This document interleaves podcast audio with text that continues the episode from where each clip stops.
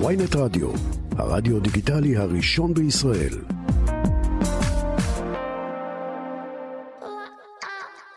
עכשיו בוויינט רדיו, מחוץ לפריים, עם רן בוקר.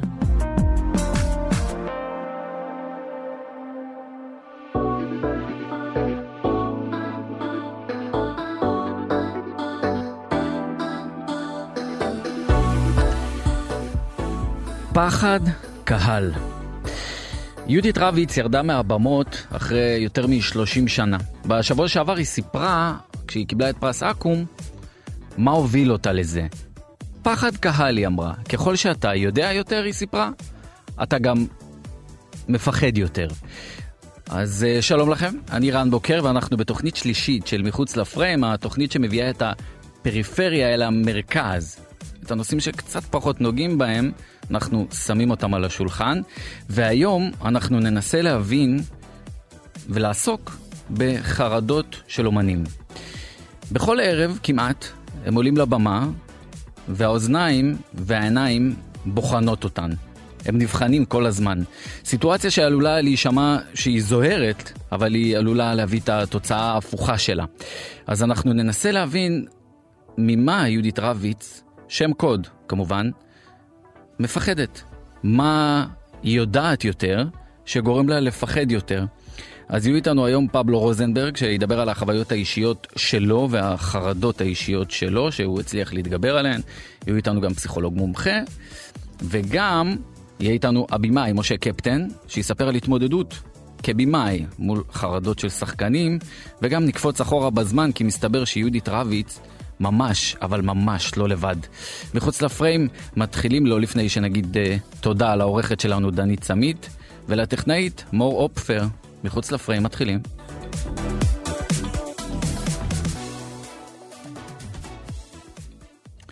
חרדות של אומנים זה לא דבר ש...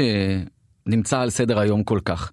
כי אנחנו רגילים לראות את האומנים בשיא תפארתם על הבמה, אה, זוהרים ונוצצים, שרים ורוקדים, משחקים, צוחקים, וגם בוכים אם יש סצנות כאלה, אבל על החרדות שלהם כמעט ולא מדברים, עד שקם מישהו או מישהו אחד, מישהו או מישהי אחת, שמספרת על החרדות שלה. אז uh, יהודית רביץ סיפרה, והיום אנחנו רוצים להגיד שלום לפבלו רוזנברג. הולה, פבליטו. הולה רן, ¿cómo estás? Muy bien, ¿qué tal? Muy bien también, genial. ראיתי המורדים, אז אני יודע קצת ספרדית. אני לא מספר על קטנטנות, זה, אתה יודע, זה היה עוד לילדים. לא, מש... אני, תשמע, אני מאוד אוהב שהמון המון המון אנשים בארץ ישראל הקטנה מדברים ספרדית, זה ממלא אותי גאווה. איזה כיף, רק שהתחילו לאכול אסדו, אתה אומר, ואז יהיה מושלם. אוכלים גם אסדו, אבל אני חושב שהישראלים אוהבים יותר אה, בשר רך, שלא לועסים. נכון. ארגנטינאים אוהבים שלועסים בשר. אה, פבלו, אנחנו מתכנסים כן. היום גם כדי לדבר על הספרדית, שכיסינו על הנושא הזה, שם טבעי, כן. וגם כדי לדבר על נושא לא פחות חשוב, אם לא הרבה יותר, על חרדות. כן. איך זה היה אצלך? שתף אותי. אצלי זה לא פחד אה, במה או פחד קהל, אצלי בתחילת אה, 2008 אה, תקפו אותי התקפי חרדה נוראיים. ובהתחלה אתה לא יודע מה זה, אתה, אתה פשוט אה, מרגיש שאתה נחנק. זה דום, די דומה כאילו אומרים להתקף לב, זה הכרה, נשימה קצרה, וכשאתה עולה על במה וזה תוקף אותך, אתה גם מרגיש שאתה לא זוכר את השורה הבאה של השיר. והיות ולא היינו עובדים עם פרומפטר, אז זה לא היה נרגע לאורך כל ההופעה. עכשיו, זו תחושה נוראית, כי אתה לא נהנה, ואתה לא יודע אם אתה מופיע טוב, אתה עסוק בהיזכרות. תגיד, ו- מה קרה ב-2008, פבלו, שזה בא לך דווקא שם? קרה משהו ספציפי? אה, זהו, כן, מה שעשיתי, הלכתי לפסיכולוג שלי, אבי מרדלר, לסשנים, לשאול אותו מה, מה, מה, קורה, כי מה שקרה בסוף 2007, אה, המופע המשותף שלי עם שלומי שבת הצליח כל כך, שהוא אמר לי, יש לך אשמה מההצלחה, והתחיל להסביר לי מה זה. אמרתי, אבל מה זאת אומרת? אבל כל אומן באשר הוא רוצה לגדול, לצמוח, וכן להצליח עוד, וכלכלית. ו...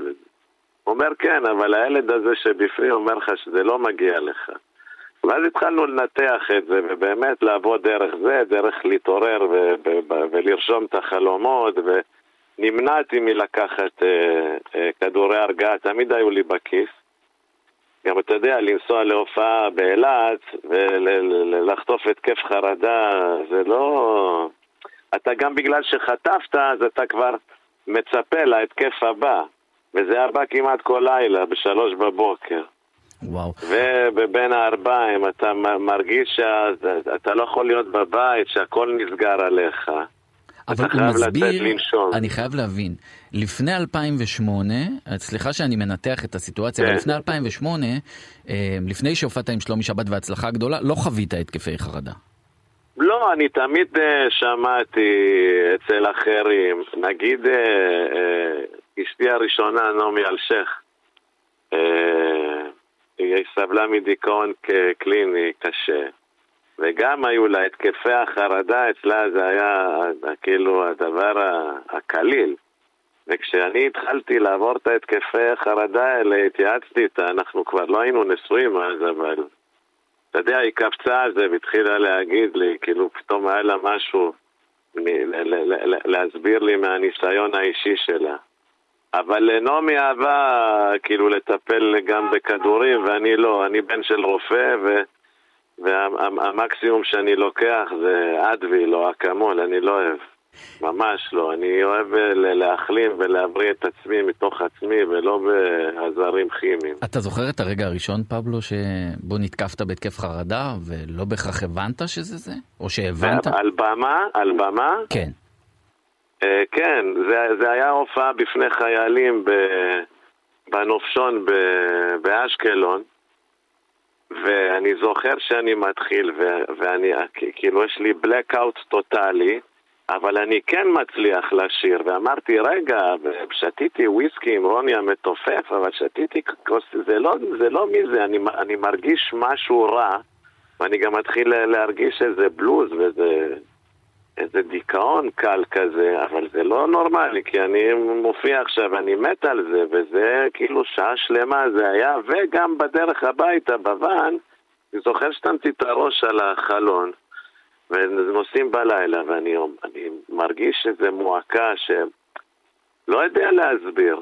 ואז זה הלך והתגבר, זה, זה גם הייתי מתעורר בלילה עם דופק פראי, והיה לי, בגלל שאני רץ, אז יש לי את המדופק, שמתי פעם בלילה, היה לי איזה 160 דופק, ועל כלום, אתה, אתה במנוחה, אתה לא... תגיד, רץ. באותה הופעה באשקלון, אה, כן. הקהל הרגיש שיש את ה... לא, לא. דרך אגב, אף אחד לא מרגיש כלום. זה רק אצלך. אתה יודע, בסופו של דבר זה חוסר איזון כימי קל במוח. וזה מה שצריך, אה, אתה יודע, זה, בגלל זה אני, אני קורא המון בשנים האחרונות על, על מדעי המוח. זה מסקרן אותי נורא, כי בסופו של דבר אנחנו באמת אה, הקילו וחצי של החומר האפור הזה, שנמצא מוגן בגולגולת. אה, כן, זה קשוח. תגיד, מתי אתה מבין שזה התקף חרדה ומתי אתה מתחיל ללכת לטיפול? לא הבנתי שזה התקף חרדה, והתקשרתי לנעמי שהיא הייתה מומחית בהכל, אז היא אומרת לי, אה, זה התקף חרדה קלאסי. אמרתי, מה זאת אומרת, אני מרגיש שאני עומד למות? היא אומרת לי, כן, זה, זה אותו דבר, אתה לא הולך למות, הרי אתה בריא. על הבמה הרגשת שאתה עומד למות, תוך כדי הופעה. אתה, כן, אתה, ת, תקשיב. דרך אגב, אתה יודע, רן, אני עד היום, אני לא משתמש בפרומפטרים. אני לא רוצה להיות uh, תלוי במשהו. כי אנחנו הזמרים הרבה פעמים מפחדים לשכוח את הטקסט. אז ההתמודדות שלי עם זה שאני נכון. אומר אם אני אשכח, אני אשכח. מישהו בקהל תמיד אני מסתכל, מישהו כן יודע את המילים פיקס. ולפעמים מסתכל כשאני שוכח על מישהו והוא דווקא, הוא, הוא בג'יבריש הזה, אני גם לא אעבוד. אז בסדר, מותר לי אותו, אתה יודע, אנחנו בני אנוש, לא רובוטים, זה לא, זה, זה live. אז זה טוב, אז, אז, אז, אז, אז שמה אני, זה העוגן שלי, אני אומר, fuck it, זה לא, לא, לא משנה. אז אתה... אבל לקח לי, לקח לי איזה שלושה ארבעה חודשים אה, לצאת מזה. אבל רגע, מרגע שנעמי, זכרה לברכה, אומרת לך כן. שמדובר בהתקף חרדה, אתה ישר מבין כן. שאתה הולך לטיפול, או שהיה איזה אלמנט שרצית להימנע לא. מזה ולהגיד אני פבלו רוזנברג, אני אלך לטיפול? לא, לא, ישר, ישר. קודם כל, אני בעד אה, עזרה אה, נפשית. לגמרי. אם זה חשוב. פסיכולוג, אם זה קואוצ'ר, אם זה חבר, כאילו, אני בעיניי לדבר על... ולהוציא את מה שיש לך, ושמישהו יקשיב וייתן לך עצות, זה הכי חשוב. אין כמו תקשורת. מהמם. ואז הלכתי לאבי וישבנו במשך אה, חמישה שבועות, פעם בשלושה ימים כזה. ובזמן הזה אתה ממשיך. להופיע? פבלו, אתה ממשיך להופיע? מופיע הכל כרגיל, ואני יודע שבין הארבעים אני ארגיש מחנק ואני אצטרך לצאת החוצה. ואני כל כך אוהב מסעדות, היה קשה לי לשבת ולאכול במסעדה עם המשפחה, הייתי מרגיש שאני צריך באמצע לצאת. אני זוכר יום אחד הייתי בירושלים, ולקחנו לילה במלון, ואכלתי במסעדה של חבר, ובאמצע הארוחה קמתי, עזבתי, התחלתי ללכת שם בשוק, בכיכר החתולות לבד. ורציתי לחזור הביתה, מירושלים, והיה לי אה, סוויטר במלון, וכיף וזה, ולא ישנתי כל הלילה. כל הלילה. מה אתה אומר? אני נאבקתי בזה. ומה- שמע, זה נורא ואיום. מה דרכי התמודדות? מה? מה דרכי התמודדות? אני חושב קודם כל להבין מה זה, מהמם. שזה התקף חרדה והוא עובר.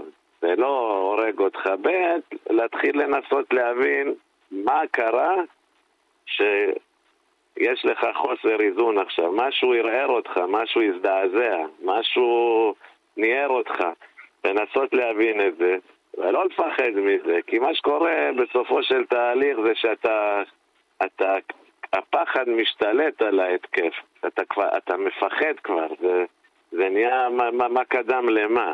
לפני שבא ההתקף אתה כבר מפחד, כולך בציפייה הזאת שזה יעבור, אז אתה כל הזמן באיזה אתה- אתה- אז, אז אה, אין חיים. אני זוכר שאמרתי, אני שכאילו עף על החיים כל יום וזה, אז קלקלו לי את החיים, אז מה, מה, מה שווה לחיות ככה? אה, ואני אני מניח שהרבה אנשים הם חווים את זה והם לא יודעים מה הם חווים, הם חושבים שיש להם דבר נוראי ורק זה שלהם, והם בטח יש מלא אנשים שמפחדים או מתביישים ללכת לבקש אה, עזרה קוגניטיבית או עזרה אה, אה, אה, אה, פסיכיאטרית, תרופתית וזה. אבל אין מה לעשות, תגיד, ו- חייבים לטפל בזה. ודיברת על זה שהיה פחד לשכוח את המילים, ושזה סיפרת לי בשיחת הכנה, שהיית מושיב אה, מעריצים בשורה הראשונה כדי שהם ישירו, וככה תוכל לא לשכוח את המילים, כי אתה לא כמו רוב האומנים עובדים פרומפטר. גם, הייתי אומר, נגיד הופעה בהיכל התרבות, הייתי אומר לפסיכולוג שלי, קודם כל אתה יושב שם, אני יודע שאתה שם. וואו. אז זה קצת... היית מושיב את. הפסיכולוג בשורה ראשונה? הייתי, לא, לא שורה ראשונה, לא לראות אותו, כי אם אתה רואה אותו, מתחיל זה, אני יודע שהוא שם. מהמם. אני לא יודע איפה הוא יושב, אבל הוא שם. מהמם. מולי אני מושיב את האנשים האלה שהם יודעים מילה במילה את השירים. וואו, אז הפרצופים האלה ש... בדרכך הצלחת להתמודד עם זה ולהתגבר על זה גם. כן, כן, כן, ממש, ממש. אני זוכר את התקופה שפתאום, פתאום יש, אה, אין התקף חרדה. אתה לא מצפה לו. אתה לא מצפה לו והוא גם לא מגיע. לא, אתה, אני אגיד לך מה, אני אתן לך דוגמה. אה, אני- אני גר אה, מול הים ברמת אביב החדשה, ויש לי מרפסת, קומה שניים, אה, כאילו, מול הים, ויש בגינה איזה עץ גדול שגובל במרפסת, ועכשיו יש בו פירות קטנים, והתחילו לבוא הטלפ- אה, הטלפים של פירות. פתאום, לאכול את אף פעם הפירות. הם לא היו. במשך שבוע, בשעה שמונה עד 12 בלילה, 20 עטלפים אוכלים את הפירות והם יורקים את זה בתוך המרפסת. מהמם.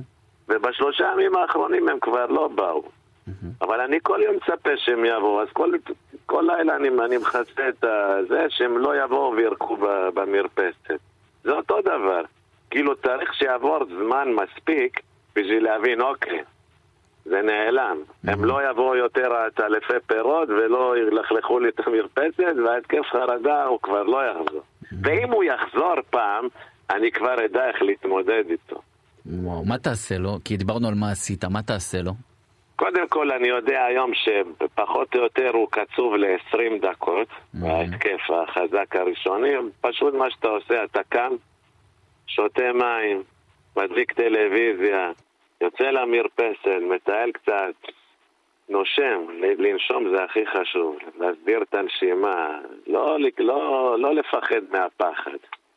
לא לפחד מהפחד, נכון. ולא לפחד מהפחד.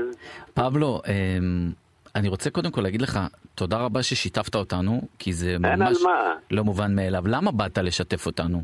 למה, למה, למה החלטת לספר על זה?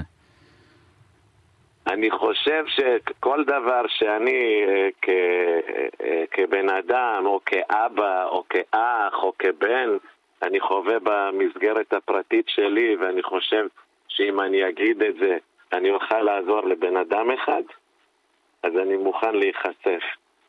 כי, אתה יודע, פעם כשהייתי יותר צעיר, הייתה לי תשוקה כזאת שתהיה לי גלימה, כמו, כמו אלה שהם אה, יכולים להציל את העולם ולתקן הכל. חשבתי, ככה אני בהשקפת עולמי. כן, הבנתי שאני לא אצליח, אה, אתה יודע, להסתובב בכל העולם ולסתום חורים.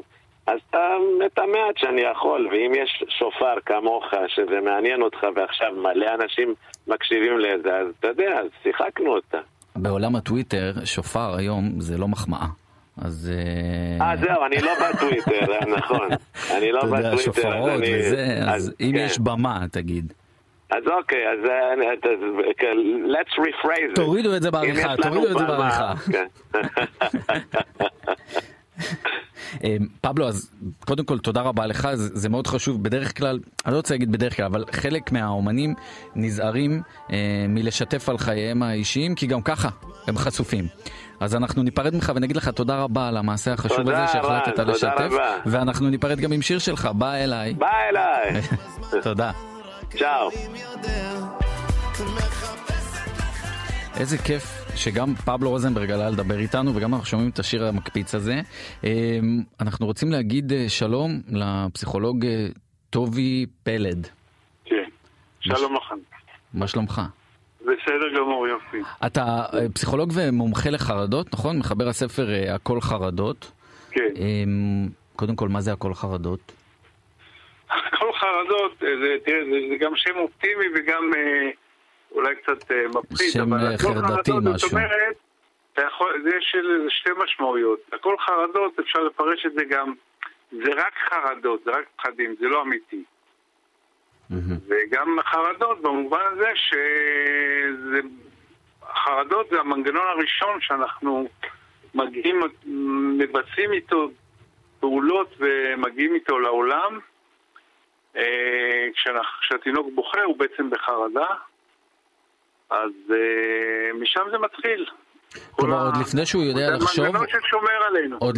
עוד לפני שהוא יודע לחשוב, הוא יודע לפחד, התינוק. יכול להיות שהוא פוחד uh, אפילו ברחם, אנחנו לא, לא יודעים בטוח, אבל יש סיכוי. תגיד, אמ, אומנים, אמ, יש כן. להם סיבה... אמ, אתה יודע, לכל בן אדם יש את הסיבה שלו אה, להיות חרד, אבל אומן שעולה ערב ערב על במה ונועצים עליו עיניים מאות אם לא אלפי אנשים, הוא כל הזמן בהרגשה שהוא נבחן, ודווקא לפני מבחנים אנחנו חוששים, מפחדים יותר. תסביר לי מאיפה החרדות האלה אה, מגיעות לאומנים, האם דווקא לאומן יש יותר, או שזה פשוט הנחה שגויה מהיסוד שהיא שלי? תראה, אנחנו גדלנו בקבוצה, אני פסיכולוג אבולוציוני, זאת אומרת שאני מסתכל על בני אדם דרך האבולוציה שלנו. אה, גדלנו בקבוצה, והקבוצה הייתה הדרך היחידה להישאר בחיים ולשרוד. ושיתוף הפעולה בקבוצה ומה שהקבוצה חושבת עליך היה דבר קריטי להישרדות.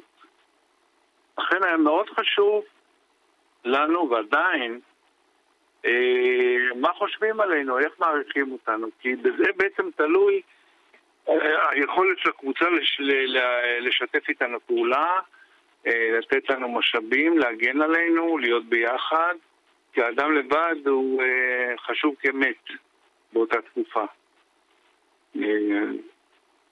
לכן, ברגע שהקבוצה בוחנת אותנו, בודקת אותנו, מעריכה אותנו, שופטת אותנו, אנחנו באיזשהו מבחן, שפעם הוא היה קריטי להישרדות. היום הוא לא, אבל המנגנון נשאר. הוא מפעיל את החרדה הזאת בעצם, אה, האם הקבוצה תתמוך בי, תהיה איתי, אם אני ביחד או לבד. ועוברות המחשבות תוך כדי אם אני לא מספיק טוב בעיניהם? המחשבות מגיעות מאוחר, המחשבה מגיעה אחרי הרגש. זה בניגוד להרבה אנשים מה שהם חושבים, אנחנו קודם כל מרגישים, אחרי זה חושבים. לחשוב על תינוק שרק נולד, הוא עוד לא יודע לחשוב, אבל הוא מרגיש. המחשבה מהירה פי שבע, מה... הרגש מהיר פי שבע מאשר המחשבה במוח. תגיד, וברמה האבולוציונית, אה, אדם לבד על הבמה זה, זה דבר טבעי? אה, מה ש... תראה, מה ש... כן, זה יכול להיות טבעי, כי יש לנו גם צורך להתבלט, אה, להוכיח את עצמנו. אז לאו דווקא על הבמה, אבל לפני קבוצה אנחנו יכולים להיות במצב שאנחנו... אה, יש לנו, רוצים להתבלט, וזה טוב לנו להתבלט, יש לנו גם את הכישורים להתבלט, ואנחנו לא פוחדים להתבלט, ככה נוצרת מנהיגות. אה, אז אה, זה מבחן שאתה או מצליח אותו, או שורד אותו, או מקבל ציון עובר. תגיד, ומה עלול להביא אדם, אומן, אחרי שהוא חווה את ה... אחרי שהוא מבין שהוא נבחן ולא מתקשה להתמודד עם זה, להגיד איני יכול עוד, או איני יכולה עוד, להפסיק להופיע? אני, אני לאו דווקא, אני מוציא רגע את יהודית רביץ מהמשוואה, אני משתמש בה כדוגמה, אבל אני לא רוצה שנדבר עליה אישית, אני מעוניין לכבד את הפרטיות שלה, בוא נתייחס כשם כן. קוד. כן, תראה, כשם קוד יש המונים, אריק איינשטיין הכי ידוע, שהיה לו פחדים אה, של במה מאוד מאוד חזקים. אז מה מביא, מה מביא אותם להגיד אנחנו לא יכולים עוד? תראה, החרדה היא סבל. היא סבל קשה, כי יש, בן אדם לא, מפחד גם מעצם ההרגשה הזאת של הדפיקות לב, של ההזעות. אה, זה מנגנון שאמור לשמור עלינו ולהגיד לנו, אתה תיזהר, אתה עכשיו נמצא בבחינה של הקבוצה. אז זה מאוד חשוב שתצליח, שת, שתהיה חלק מהקבוצה. כל המטרה של, ה, של החרדה זה להגן עלינו, כדי שלא ניקח סיכונים גדולים מדי ונהיה חלק מה, מהקבוצה, נהיה חלק מהביחד, שיאהבו אותנו.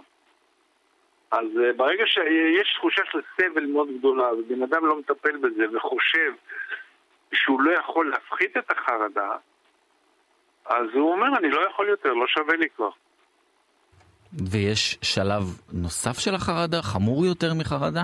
כן, אם, תראה, אם החרדה לא מטופלת ונמשכת, אה, בלי הכלה, בלי טיפול, אז היא יכול, יכולה להפך לדיכאון. דיכאון זה כבר ייאוש, אני כבר לא, שום דבר לא אכפת לי, אני לא אוהב כלום, אני לא יכול להצליח בכלום. מיואש עד הדברים הכי קיצוניים של הייאוש. תגיד, ואיך איך מתמודדים עם החרדות כדי לא להגיע לדיכאון? תן כלים גם לאומנים וגם לאנשים שמאזינים לנו. אה, איך, איך, מה הכלים? דיבר פבלו רוזנברג על להבין את תחושת הזמן, שזה בסך הכל 20 דקות, לדעת מה עושה לך טוב.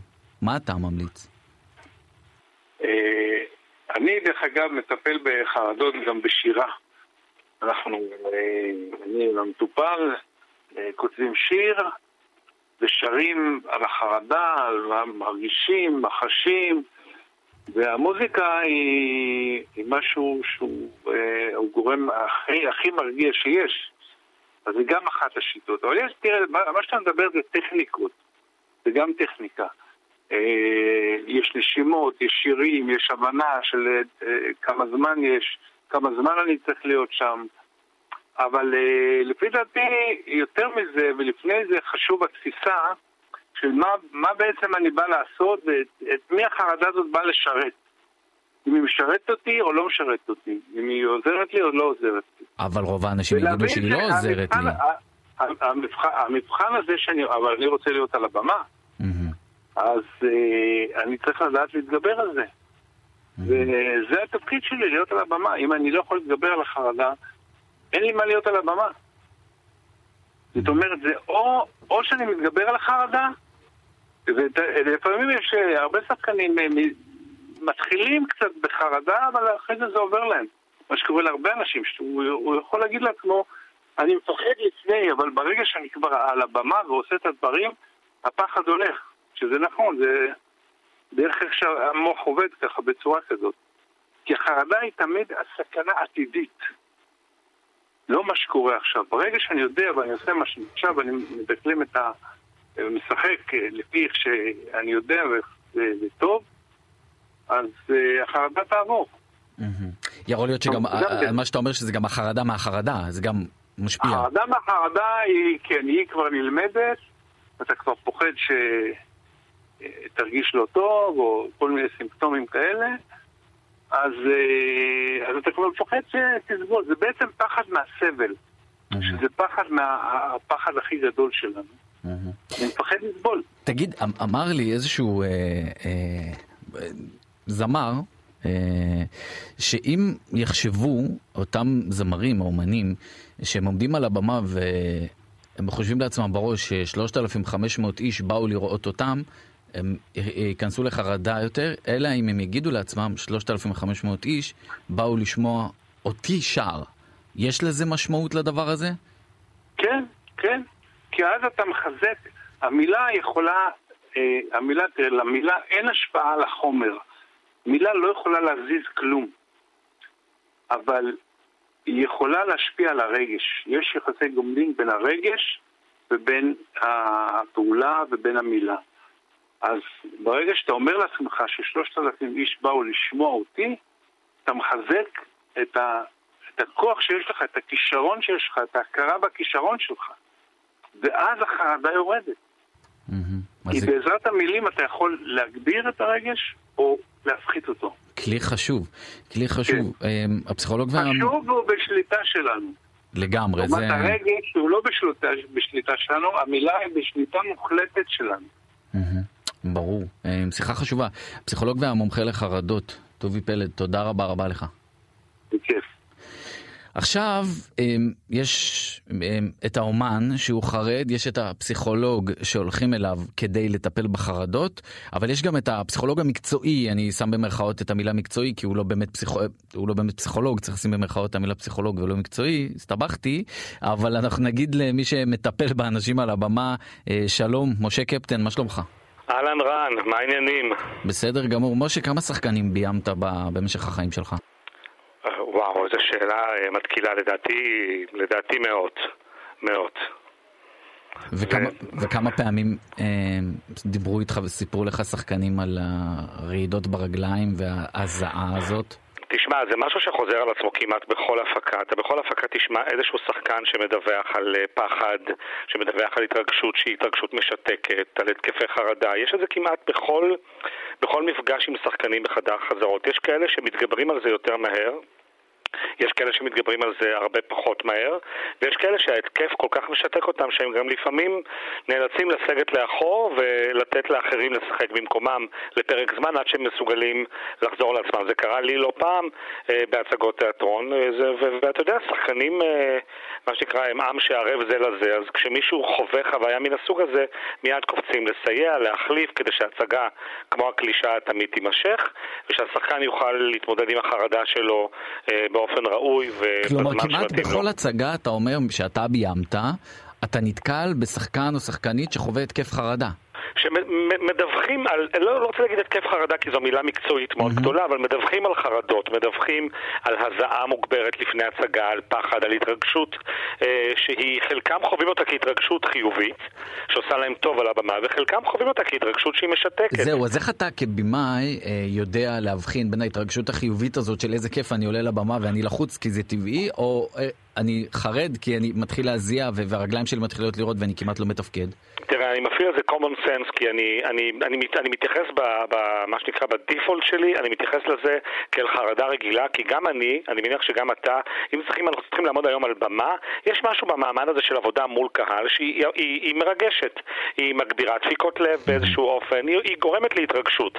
אני נוטה לתת לדיפולט להיות התרגשות חיובית, אבל כולנו בני אדם, אתה מרגיש מתי שחקן הוא לא בהתרגשות חיובית, ומתי הוא נמצא באיזשהו מקום שהוא מתסכל ושהוא לא יכול להתמודד איתו, וזה קורה מדי פעם, וצריך להבחין בזה ולעזור לו להתמודד עם זה רגע אחד שלא על הבמה. אני תמיד מזכיר לשחקנים שאני מרגיש שיש איזושהי מידה של התרגשות, שאנחנו רק שחקנים על במה בתיאטרון, ואנחנו לא מנתחים עכשיו אף פציינט עם לב פתוח על השולחן. זה רק תיאטרון, וצריך לזכור את זה. נכון, המעמד הוא מחייב, המעמד הוא משתק, זה עשוי להפחיד, אבל בסופו של דבר זה רק תיאטרון, אף אחד לא ימות מזה בסוף. יש כאלה שזה משפיע עליהם האמירה הזאת, כשאתה מבין אותה רגע אחד רציונלי ולעומק, ויש כאלה שגם האמירה הזאת לא מספיק נוגעת בהם, ואז אתה מבין שהשחקן הוא בחרדה והוא זקוק לטיפה זמן כדי להירגע. וזה... תגיד, ואיך אתה, איזה כלים אתה נותן להם כבמאי כל כך ותיק, אה, כשאתה מבין שזו בסך הכל לא התרגשות רגילה, אלא התרגשות שעלולה לשתק? קודם כל אני משתדל, אני משתדל להגיד ש, שבציפייה שלי, הוא יעשה את הכי טוב שהוא יכול על הבמה. Mm-hmm. אני לא אכעס אם יקרה משהו, אני לא אאשים אותו אם יקרה משהו. יש גם איזושהי מחויבות של שחקן כלפי במאי, הצורך לרצות אותו ולעשות עבודה מצוין כדי שנהיה מרוצים ממנו, במאי, תיאטרון, הוא גם כן משהו שהוא אה, אה, משתק באופן כזה או אחר, הוא מפחיד באופן כזה או אחר. Mm-hmm. הצורך לעמוד בציפיות של הצד השני, הציפיות המקצועיות. אז אני קודם כל מוריד את רף הציפיות, אני אומר לו, תירגע, הכל בסדר. אתה רוצה זמן, הכל בסדר. יעלה מישהו, יחליף אותך. אותך, גם אם זה ייקח עכשיו עוד שעה, לך לחדר הלבשה, תנשום, וואו. תרגיש. זה, זה ממש ברמה הזאת, כי אני באמת מאמין שבתיאטרון אנחנו לא מנתחים לב פתוח. אנחנו בסך הכל עושים אמנות, מנסים גם ליהנות מן המקצוע הזה, וברגע שמשהו כאילו חורג והופך להיות כל כך גדול וחשוב ומפחיד, אז אתה עושה סטופ.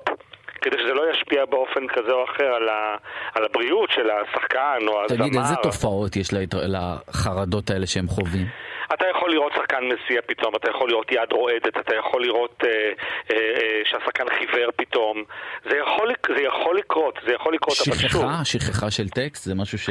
טוב, זה, שכחה של טקסט זה דבר ששחקנים וגם זמרים מתמודדים איתו, וזה הדבר אולי הכי מלחיץ ככה אני תופס את זה, mm-hmm. לשחקנים, שתעמוד על הבמה ויהיה לך blackout, לא תדע מה לעשות, לא תדע מה להגיד ולא תדע איך להתמודד. שחקנים על במה יש להם את היכולת לסייע אחד לשני, להזכיר מילה שתקפיץ לך אולי את השורה הזאת, או להגיד במקומך את הטקסט הזה אם הוא חשוב. אבל הפחד מבלקאוט הוא פחד גדול, הוא פחד משתק, ולא פעם ולא פעמיים אנחנו יודעים על אומנים שבלקאוט או שכחה גרמו להם להפסיק להופיע. ברברה סטרייסנד הפסיקה להופיע שנים, מספרת על זה במופע האחרון שלה, כשהיא חזרה לבמה, שהיא לא יכלה לעלות לבמה כי היא פחדה. מלשכוח טקסט, כי זה קרה לה פעם אחת על במה והרגישה שיתוק נוראי ולא יכלה להמשיך לתפקד. אבל יש דרכים להתמודד עם שכחת טקסט. דיבר פבלו רוזנברג על פרומטר, בתיאטרון זה קצת פחות, יש לכם עוד דרך? בתיאטרון זה פחות. בתיאטרון אנחנו משתדלים היום לשחקניות הוותיקות יותר, המבוגרות יותר, שהנטייה לשכוח טקסט היא אולי זמינה יותר, אנחנו מאפשרים את מה שנקרא בתיאטרון של פעם אלחשן. פעם היה עומד למטה שחקן ולוחש את הטקסט לשחקנים, היום אנחנו משתמשים באוזניות. השחקנית או השחקן שמים אוזנייה באוזן, ומבחוץ לוחש לו, או הבמאי, או שחקן שמוכשר לכך, את הטקסט כולו כדי שהשחקן יוכל לרגע אחד להתנער מהאחריות של לזכור את הטקסט. פעם אחת אמרה לי זה הרירה חריפאי. שהייתה עובדת עם, עם, עם אוזנייה ועם לחשנית אה, אה, תקופה די ארוכה. היא אמרה, הקהל לא בא לראות אותי זוכרת את הטקסט, הקהל בא לראות אותי משחקת. וכששחקן משחרר מעצמו את הפחד או הציפייה מלזכור את הטקסט, הוא יכול להמשיך לשחק עד גיל 100. זה... החרדה הזאת נעלמת לה לגמרי. כי יש מישהו איתך כל הזמן למקרה שחס וחלילה תיפול. וואו, משה קפטן, תגיד, מה עוד אתה...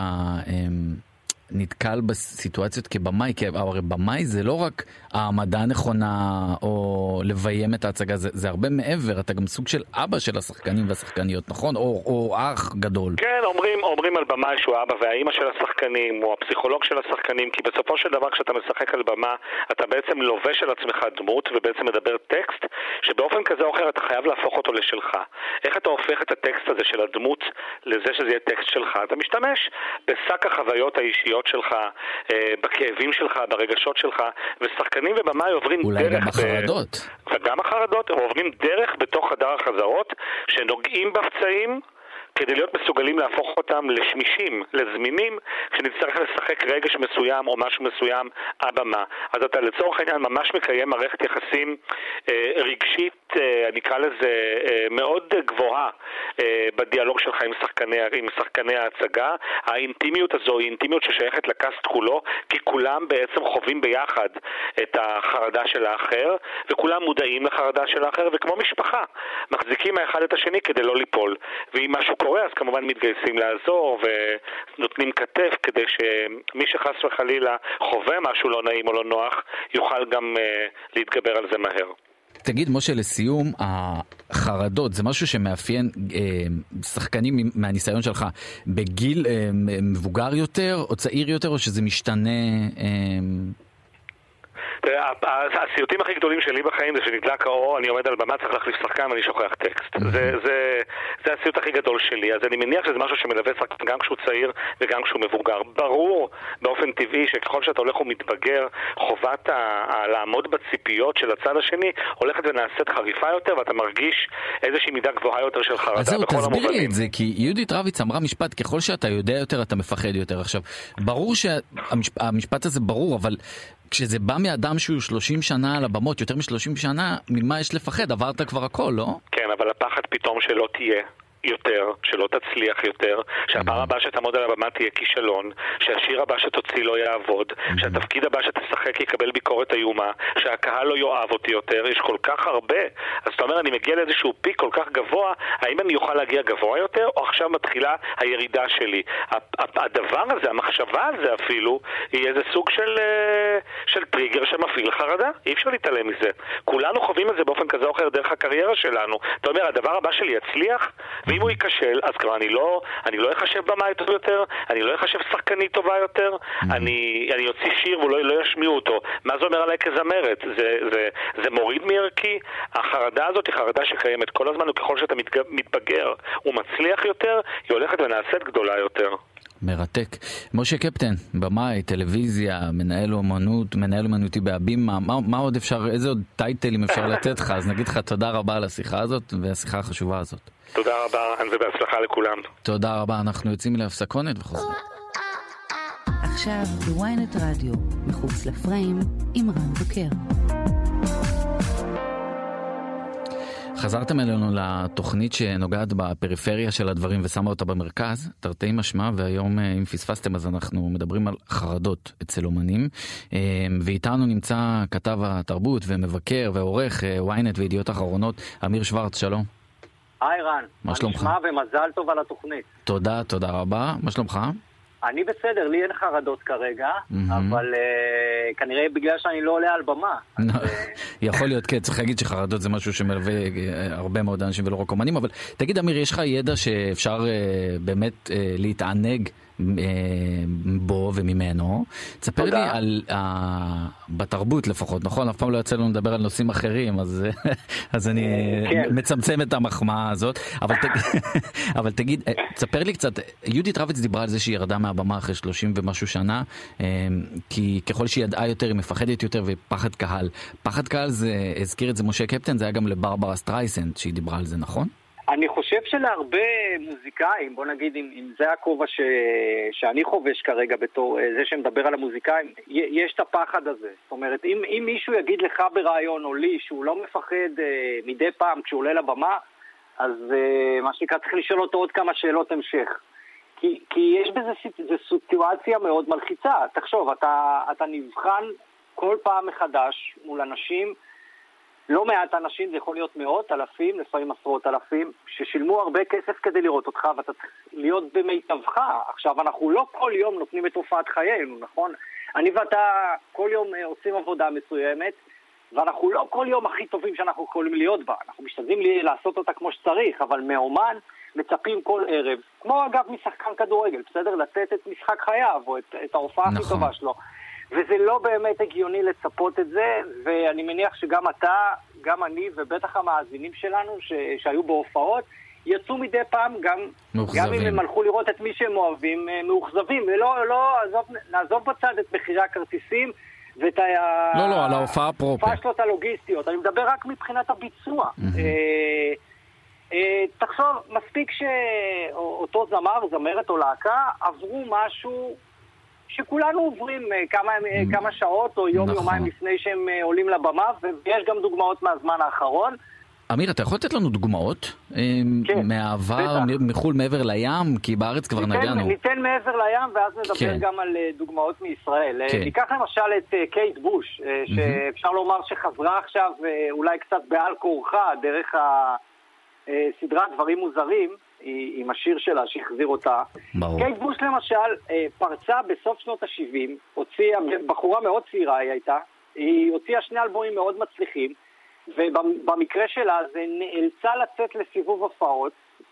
אה, היא סיימה את סיבוב ההופעות הראשון שלה, ומאז כל מה שהיא עשתה בקריירה מבחינת אה, הגעה לבמה, זה היה עוד איזה מופע שלא יצא מגבולות לונדון לפני כמה שנים. זאת אומרת, מישהי, אחת הזמרות לחלוטין הגדולות בהיסטוריה, שעשתה לא מעט דברים חשובים במוזיקה ודברים אה, פורצי דרך מבחינת סאונד וכל זה, פשוט שנאה להופיע, אין דרך אחרת אה, להגיד את זה. מזכיר, אה, להבדיל אלפי הבדלות, את אריק איינשטיין שלנו.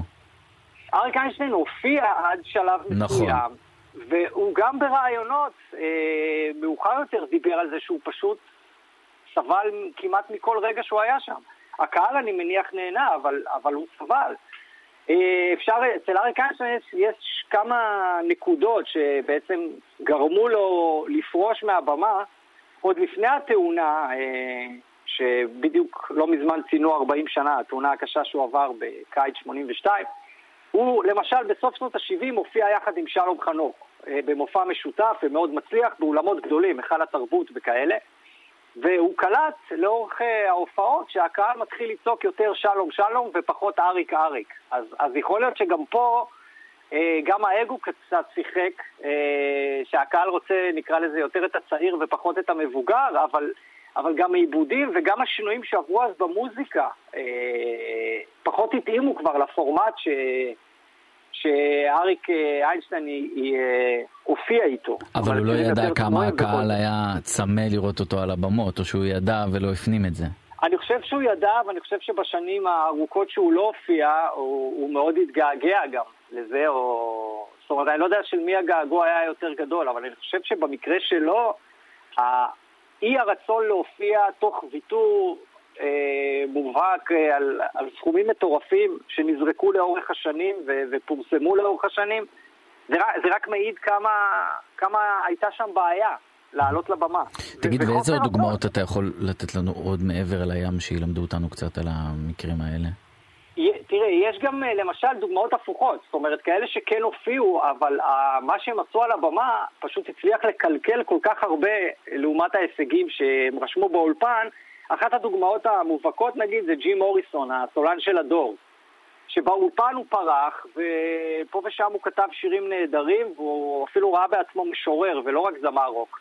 אבל על הבמה, בין היתר בגלל שהוא הרבה פעמים עלה שיכור או מצטול, הוא, הוא, הוא הצליח להתאמץ עם קהל, אה, אה, הצליח, כן, אפילו הגיע לבית משפט בעקבות זה. הוא רב עם אה, שוטרים, אפרופו סדרנים שמנסים לעשות סדר בהופעות שיוצאות מכלל שליטה. אה, הוא גם נעצר. נעצר, שוב, הוא נעצר לאחר שהוא התערטל על הבמה, בסדר? זאת אומרת, זה לא... הוא לא עשה את זה בבית כלומר, שלו. הכישלון, כלומר, הכישלון על הבמה, אה, אחרי שהוא היה כל כך מוצלח באולפן, הביא אותו להתנהגות כזאת, אבל הוא לא הפסיק להופיע בגלל זה. הוא לא הפסיק, אבל הלהקה כן צמצמה את, mm-hmm. את אה, מספר ההופעות שלה. למשל, אה, הם לא הופיעו בוודסטוק, והיו mm-hmm. כן להקה חשובה באותם ימים, mm-hmm. שזה בהחלט עצבן את החברים שלו, שהם כן רצו להראות את היכולות שלהם כמוזיקאים, גם על הבמה, אבל, אבל יש פה גם הבדל, נגיד, בין הסולן, הפרונטמן, לבין הלהקה שמנגנת, גם אם זה להקה וגם אם זה נגנים שכירים. שוורץ, אם יש משהו שאני לא אוהב לעשות לבן אדם, אבל עליך אני כל כך סומך, זה להתקיל אותו בשידור, אז ברברה סטרייסנד, אתה יכול להרחיב, כי השם שלה עלה פה קודם. מה היה הסיפור גם, שלה? היא גם לא אהבה מאוד להופיע, אני mm-hmm. חושב שהיא מאוד אהבה להקליט, ומי ששומע אלבומים שלה מתחילת הדרך, אה, יותר מאוחרים, אה, נהנה, מהדבר, אה, נהנה מהאיכויות הקוליות שלה, ו, והפורטה שלה הייתה, היה בקולנוע, או אפילו כשהיא שיחקה בתיאטרון, אני חושב שזה שונה מקונצרט. קודם כל, הקול שלך צריך לעמוד באתגרים. אה, כל פעם מחדש אנחנו מדברים על מישהי שלא נעזרת בפלייבק, זה חס וחלילה במקרה שלה להגיד דבר כזה. ו, וגם תשומת הלב. זאת אומרת, אה, אני חושב שיש אומנים שקשה להם עם זה. זאת אומרת, הם נהנים מההצלחה, הם בהחלט... אה, אה, חשובה להם אהבת הקהל, אבל הקשר איתם, הקשר שלהם עם הקהל, הם, הם לפעמים מעדיפים שהוא לא יהיה פרונטלי כל כך. הדוגמה ההפוכה לברברה סטרייסן זה, זה שלמה ארצי, זאת אומרת שבן אדם שהוא פורח על הבמה ורק תיתן לו עוד ועוד ועוד. אה, לא משנה על איזה שנים מדברים. ועוד, ועוד, עד 120, עד מתי כן, שירצה. אמיר שוורץ, אה, מבקר, עורך, כן. כל הטייטלים שרק תרצה, אה, תרבות בוויינט וידיעות אחרונות, תודה רבה לך על השיחה הזאת. תודה רן, תודה רבה. טוב, אז הצלחנו אולי בקצת פחות משעה לגעת בנושא הזה שהוא כל כך מורכב וגם כל כך אישי. אבל מאוד מאוד חשוב אה, לדבר עליו. חרדות של אומנים. אה, יהודית רביץ, אחרי 30 ומשהו שנה של הופעות, אה, פשוט ביום בהיר אחד ירדה מהבמות, ובשבוע שעבר דיברה על אה, הסיבה לכך, פחד קהל. אז ניסינו בקצת פחות משעה הזאת כדי אולי קצת לצלול לתוך זה, ואני מקווה שהתוכנית הזאת אולי תעזור לאיזשהו אומן, אה, זמר, זמרת, שחקן או שחקנית, אולי נתנו קצת את הכלים להתמודד עם זה ולדעת בעיקר שאתם לא לבד ולא רק לאומנים, תקפי חרדה זה משהו שקורה המון היום, אז אנחנו ניפרד, בתקווה שהצלחנו להזיז משהו, לעזור למישהו, אז אנחנו ניפרד ונגיד תודה רבה לדנית סמית ולטכנאית אור אופפר. אז uh, תודה רבה לכם, וניפרד עם האחת והיחידה ונאחל לה שרק תחזור להופיע. יהודית רביץ, מילה טובה. תודה.